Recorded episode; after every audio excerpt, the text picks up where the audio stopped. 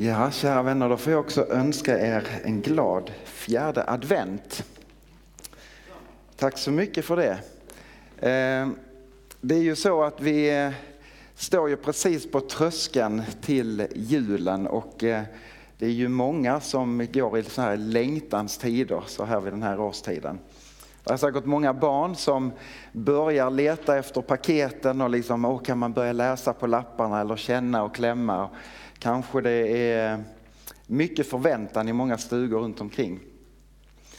Men så tänker jag också att hela advent får vara en påminnelse om att tända en längtan i mitt hjärta och i ditt hjärta, i våra hjärtan efter Herrens ankomst.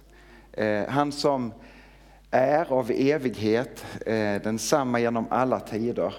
Han som kom en gång men som vi får be för komma på nytt in i våra liv om och om igen på något sätt. Eh, så den här söndagen får också vara en del av att bygga den där förväntan och längtan på något sätt får vi önska. Vi har ju haft ett tema genom en period och nu under advent så har vi egentligen stannat upp inför en och samma bibeltext med fyra underbara namn på vår Herre ifrån Jesaja 9. Och idag så bär rubriken eh, den här strofen, Jesus är fridsfurste. Jesus är fridsfurste. I morse så när jag bläddrade igenom tidningen så hamnade jag i ett reportage ifrån skolans värld där det stod om att fler och fler ungdomar eh, inte orkar med tillvaron i skolan och inte befinner sig där helt enkelt. Eh, det är långt ifrån alla naturligtvis, men det är många som ger uttryck för att man upplever sån stress och en sån ångest, så man klarar inte av sin vardag. Och så är det på något sätt ett uttryck för det som, som vi kanske alla kan känna från och till, men för vissa blir det väldigt, väldigt påtagligt. Att man upplever en tillvaro av ofrid, kanske av otrygghet och oro. Och så finns det så många sådana här oord som eh, man egentligen inte vill ska vara, men som är en del av vår verklighet. Och det är också en del av den verkligheten som Jesus föddes in i.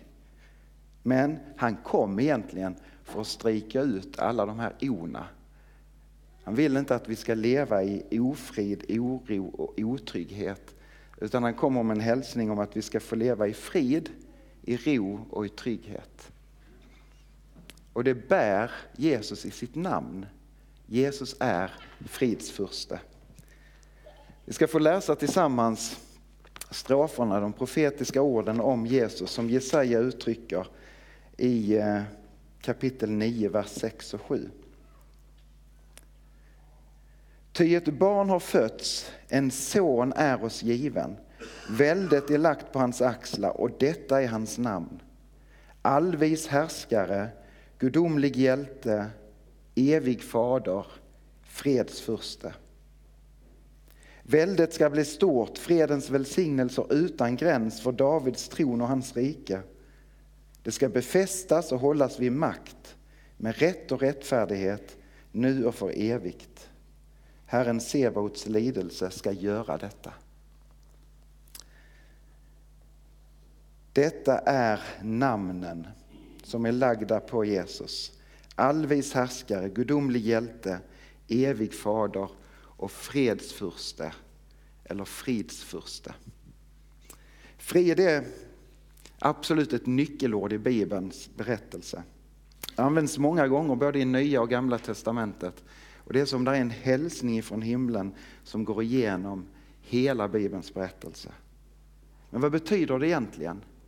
När vi lyssnar på ordet frid eller fred så kan vi så lätt förknippa det med en känsla eller eventuellt avsaknaden av krig, alltså på något sätt fredens motsats. Men när en Israel hälsar med, med shalom, Guds shalom, så är det så enormt mycket djupare än bara en känsla.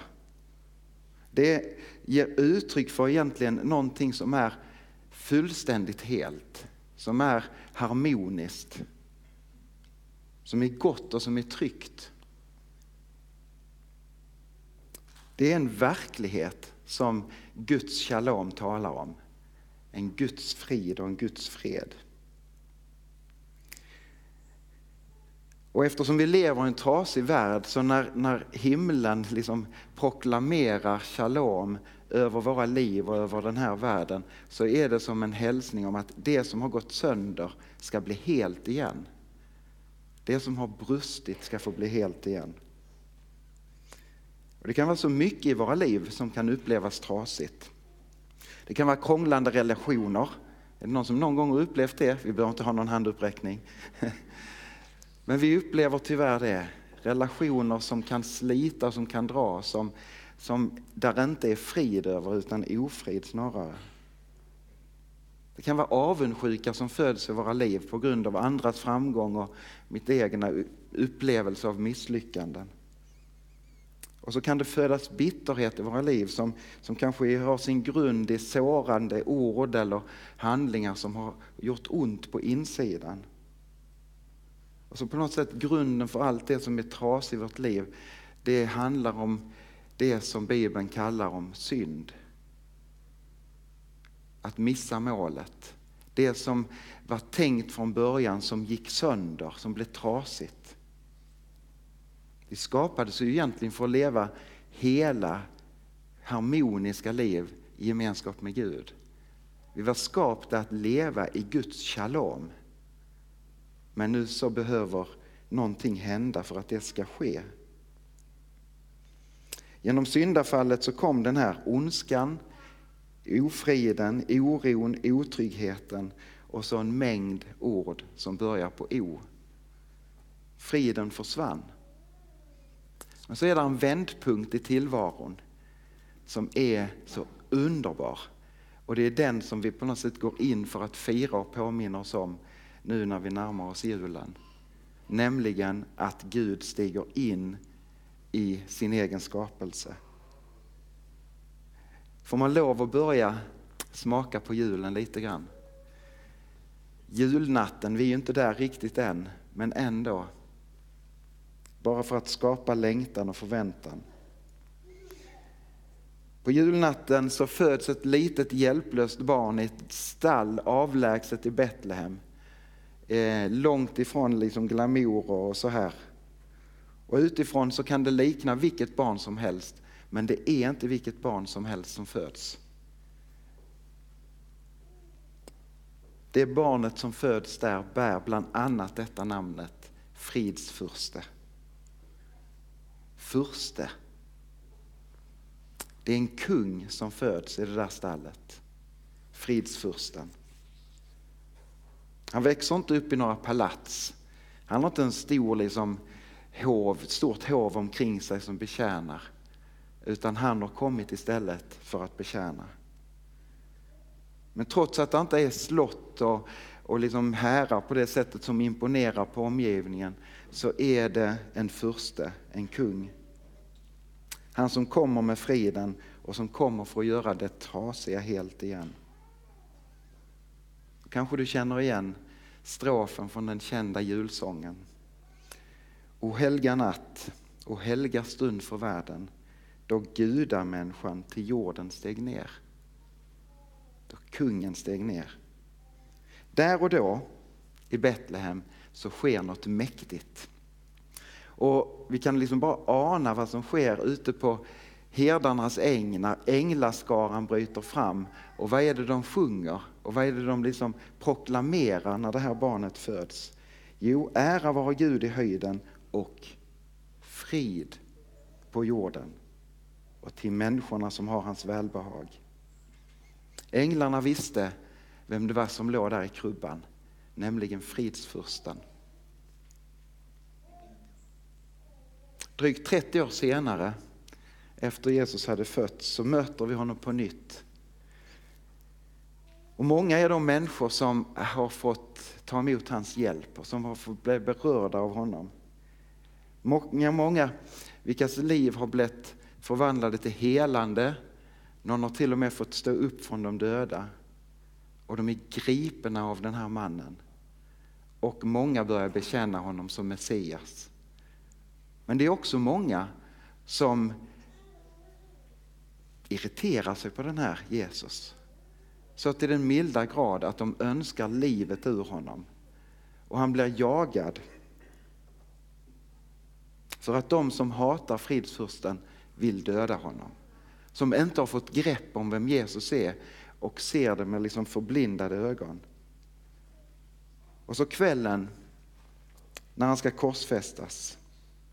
Jesus vet redan vad som ska hända honom.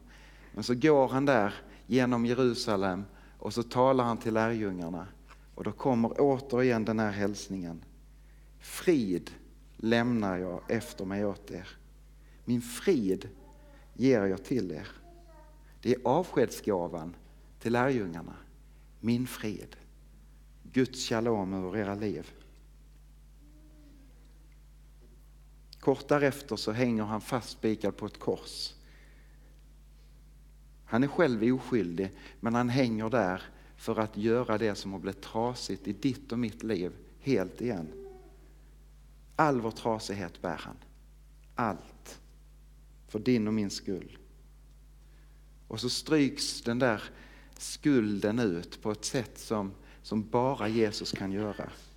Och så får han bli vår frid och vår fred. Fortsätter vi vår helga natt så kommer nästa strof där i första versen. För att försona världens brott och synder, för oss han dödens smärta led.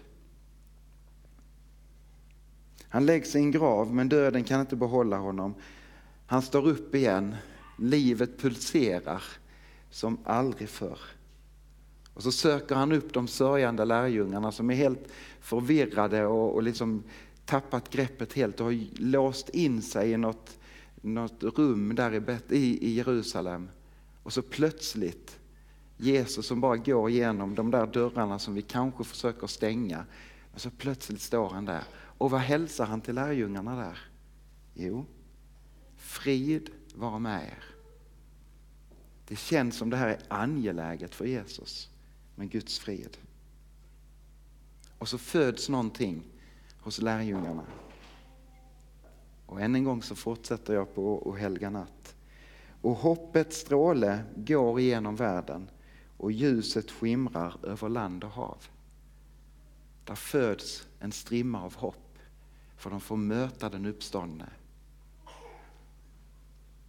Och så är det som om profetordet från Jeremia får liksom tala in också till oss. Där, där liksom, ja men Guds tanke över ditt liv får sig ett uttryck.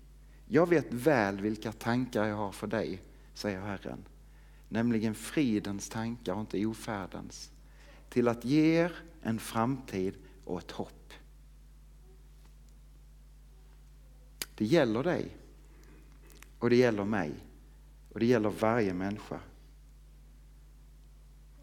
Han är en furste, en kung som har ett kungarike som vi inte kan se med våra liksom ögon och mäta ut med, med liksom gränsdragningar på, på marken.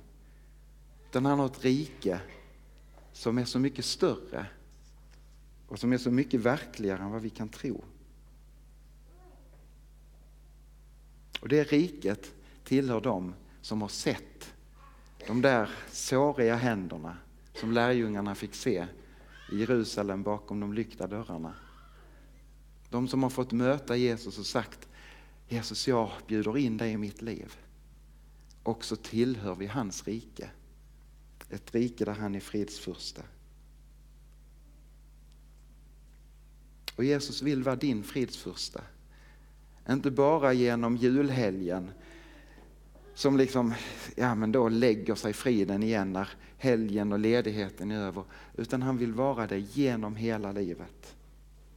Han vill göra det trasiga helt.